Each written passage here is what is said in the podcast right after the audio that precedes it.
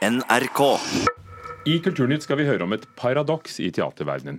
For når den satiriske musikalen The Book of Mormon er den største seersuksessen gjennom tidene for det norske teatret, så har det likevel ført til underskudd. Teatrets egne beregninger viser at forestillingen går flere millioner kroner i underskudd.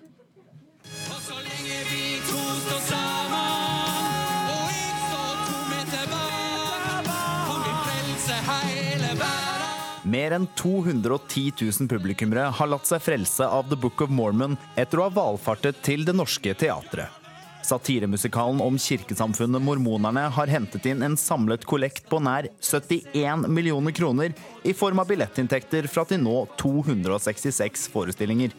Likevel viser teatrets eget regnestykke for rekordforestillingen et tap på 4,8 millioner kroner mellom september 2017 frem til i dag, ifølge tall NRK har hentet inn. Hvordan er det mulig? Vi har spilt The Book of Mormon over en veldig lang periode. Samtidig som vi gjør mange andre ting her på teatret. Vi har billettpriser som selvfølgelig skal eh, ha en sosial profil og gjøre det mulig for alle å komme hit. Det er en del av oppdraget til et statsfinansiert teater og en nasjonal institusjon.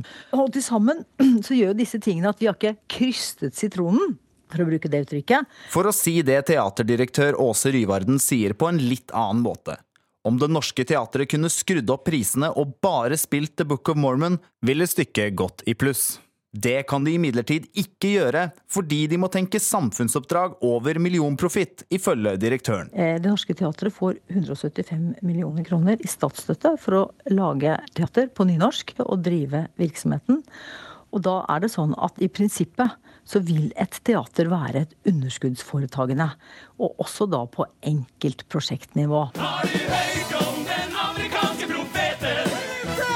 På toppen av statstilskuddet kommer teatrets egne billettinntekter. Derfor er de røde tallene til The Book of Mormon faktisk positive for teatret, forklarer teaterdirektøren. Eh, Jeg vil si Det går mye mindre i minus enn andre ting som vi gjør. Eh, Så, så er tvert imot så er det jo et bidrag til vår økonomi å ha dette prosjektet. Nettopp pga. de store egeninntektene det har brakt oss. Så for dere så handler det om ikke hvor lukrativt noe er, men hvor lite dyrt det er? Det er en god formulering. Men når en braksuksess som The Book of Mormon ikke kan gå i pluss hos et statlig teater, får det professor Anne Britt Gran ved Institutt for kommunikasjon og kultur på BI til å stille spørsmål. Er det, er det en god idé at eh, institusjonsteaterne setter opp sånne store forestillinger som man jo selvfølgelig håper på skal dekke litt eh, egeninntekt her også, når man med sikkerhet kan si at en så stor publikumssuksess ville gått med overskudd et privatteater hadde satt opp? The Book of Mormon har ifølge teaterets eget anslag kostet snaut 76 millioner kroner. Blant annet har 40 millioner gått til å lønne i alt 31 skuespillere og musikere, der de aller fleste bare har jobbet med The Book of Mormon. Åse Ryvarden påpeker at kostnadene ble som planlagt, og at det allerede fra forhåndssalget ble klart at The Book of Mormon ville gå mindre i minus enn budsjettert. Da er vi tilbake til det. Er det dyrt? Nei. I det, vår økonomi så er jo ikke dette dyrt, fordi at vi må se helheten. Og hvis vi skulle spilt noe annet, eh, med lavere billettinntekter, så ville det vært dyrere for oss. Så hvis vi skal tenke pris per publikummer, så er jo den lav for en produksjon som Book of Mormon. Har alltid hatt en drøm at den dagen jeg møter Gud Så legger han handa på skuldra mi og sier Du har gjort jobben din, dude Mm, Book of Mormon på Det Norske Teatret. Vi hørte direktøren der, også Ryvarden, og vår reporter Øystein Tronsli Drabløs.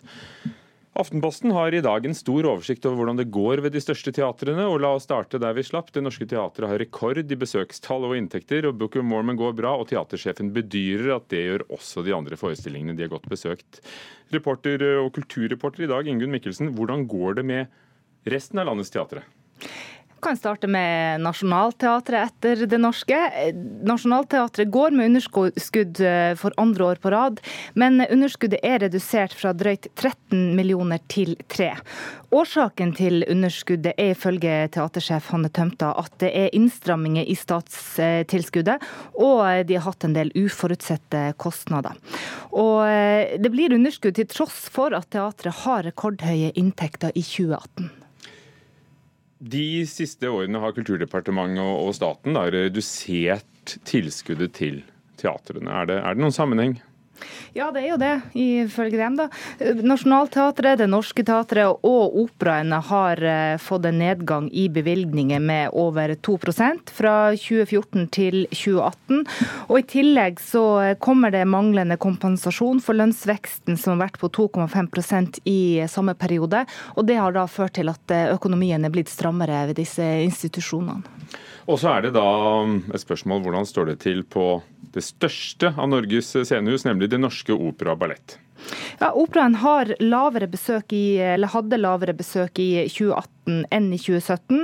Og um, dette sammen med økte kostnader til strøm og vedlikehold førte til redusert overskudd, så de har jo et overskudd, da. Uh, årsresultatet ble på én million.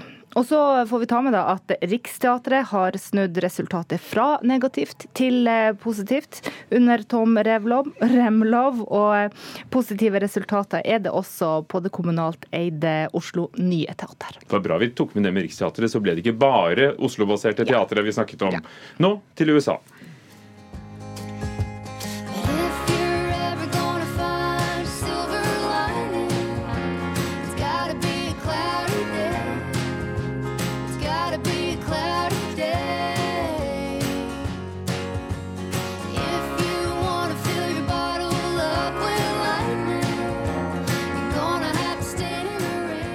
Hvorfor spiller vi Casey Musgraves her i Nyhetsmorgen?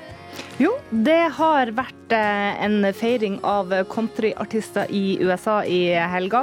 Og en av de store vinnerne under prisutdelinga Academy of Country Music Awards, eh, det var Casey Musgrave. Og eh, hun fikk prisen for årets album for sitt album Golden Hour. Og det albumet har allerede vunnet fire Grammyer. og ja, deriblant prisen for årets album. Takk skal du ha, kulturreporter Ingunn Mikkelsen. Edvard Munch inntar London. Denne uken åpner utstillingen Love and Angst, kjærlighet og angst på British Museum. Hovedattraksjonen er et sjeldent litografi av verdens, ja, et av verdens mest kjente kunstneriske motiv, nemlig skrik. people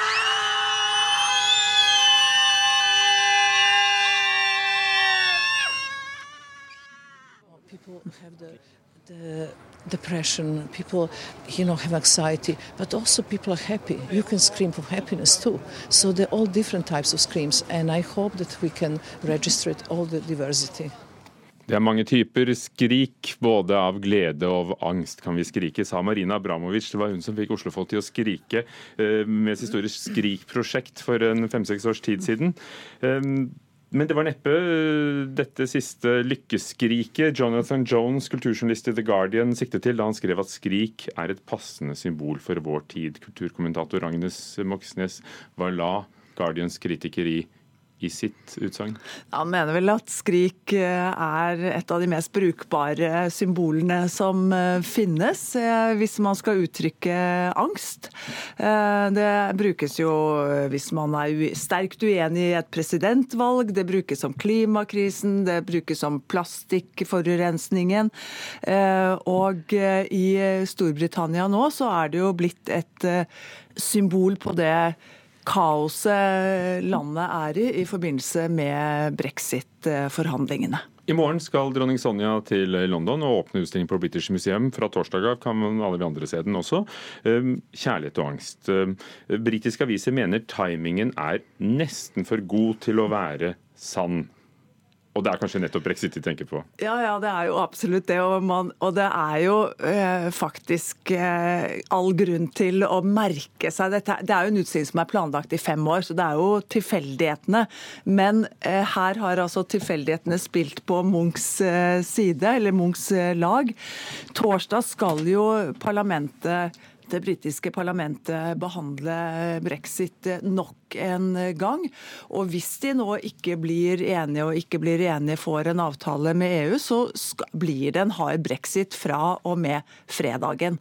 Sånn at eh, Munchs skrik blir jo da et, i den sammenheng et veldig godt bilde på et land som er i en situasjon hvor mange står og holder seg for øra for å holde bråket ute.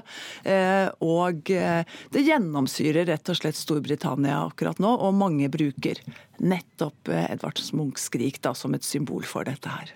Så jeg vet ikke om vi kan si at det er Munch-feber i Storbritannia, men, men Karl Ove Knausgård, som jo kuraterte en utstilling her på Munch-museet, har skrevet om Munch. Hans bok om Munch, 'Mot skogen', het den på norsk, kom på, norsk disse, nei, på engelsk i disse dager. Han var gjest i et av BBCs kjente prateprogrammer på radioen her uh, sist mandag. Hva slags utstilling er det blitt? Det, jo, altså, det, har fått veldig mye oppmerksomhet i, i forkant i, i britiske medier. Og som du sier, Karl Ove Knausgård og, og, boka som heter 'Så mye lengsel på så lite flate', het vel boka da den kom på, på, norsk, er blitt intervjuet også i flere aviser. Eh, Linn Ullmann blir intervjuet om sitt forhold til eh, Edvard Munch. Anne Holt, eh, den svenske forfatteren Daniel Lagerkrantz. Men det er en utstilling som i hovedsak er en utstilling av grafikk. Samlet bilde stort sett fra Munch-museet i Oslo. Det er jo hovedsak et samarbeid mellom Munch-museet og British Museum, dette, dette, her.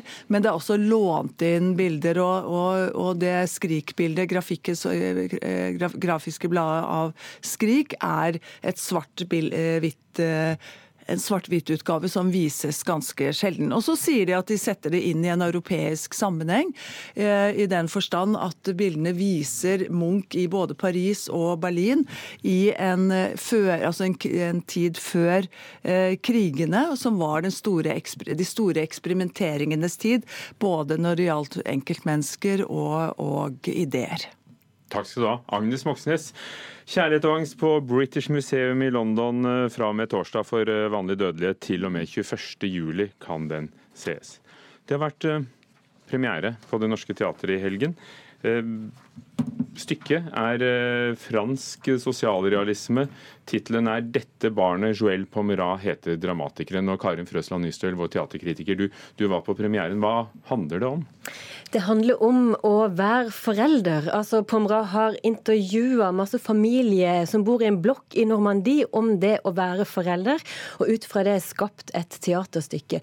Um, så hvis jeg skal gi det en overskrift, så er det en slags sånn sårbar sosialrealisme. Endelig skal jeg finne styrke til å ta livet på strak arm. Dette barnet kommer til å gi meg styrke. Nå skal de få se hvem jeg er. Jeg skal vise deg at jeg ikke er det de tror. Jeg skal vise foreldrene mine at jeg ikke er det de tror. Dette er eh, Ragnhild Meling Enoksen i stykket 'Dette barnet'. Eh, hvordan ser det ut på scenen på Det Norske? Som et stort laboratorium eller et verksted. Eh, gulvet er dekka av plast. Det er fire store arbeidsbord som fyller hele den framre delen av scenen. Og der står skuespillerne og støyper hodet, eller barnehodet, i sand med hammer og med former og det verktøyet de trenger. Det er et veldig fint og konsentrert arbeid, men det er altså et håpløst overtydelig bilde. I forestillingsprogrammet så sier de at å oppdra et barn er som å støype i sand. Og jeg syns at allerede her lugger dette bildet. Eh, for en sandskulptur har ingen kjerne, er å oppdra og støype, liksom. Og kan jeg gå med på dette bildet om meg sjøl? Nei, jeg kan ikke det. Det er liksom bare skjørt, bare porøst. Så jeg syns materialvalget her rett og slett er dårlig. Det gir en slags sånn tydelighet i bilde og handling, men en utydelighet i hva de vil. Og det gjør at teksten på en eller annen måte gjennom denne formen blir så overtydelig, blir nesten sånn intetsigende blir akkurat som forventa. Så, så, eh, formen står i veien for disse såre historiene og for teksten generelt, og det er veldig, veldig synd. Men hva med ensemblet på scenen? Ja, De står og støyper, eller så spiller de ut disse ti situasjonene og i en ganske konfronterende stil. Så det, formen gjør at det er så lite å hente i teksten. Eh, jeg leter hele tida etter en undertekst, etter det som ikke blir sagt, men alt er liksom på overflaten. Alle symboler er så synlige og tydelige for meg. Jeg tror regissør Jon Tombre har tenkt at han skal løfte noe veldig vanlig over i en ganske uvanlig setting. Men akkurat med dette valget her så mister han ganske mye på denne veien. Jeg, jeg venter hele tida på at fortellinga skal åpne seg, og det gjør den ikke.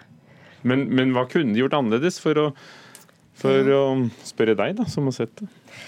Jeg tenker at dette sandbildet kanskje har vært premisset før stykket ble tråkka på gulvet, og at noe her har skapt en slags låsning i materialet. Kanskje man med en sånn sosialrealistisk tekst skal tenke helt nytt og annerledes enn, enn å ha et tydelig bilde fra før. Jeg vet jo ikke hvordan prosessen har vært, men det virker som det er en låsning som har kommet inn ganske tidlig et sted. Takk skal du ha, Karin Frøsland Nystøl, teaterkritiker Joel Pomera. Dette barnet heter stykket på det norske, som da altså ikke bare spiller Book of Mormon, som vi hørte om tidligere i sendingen.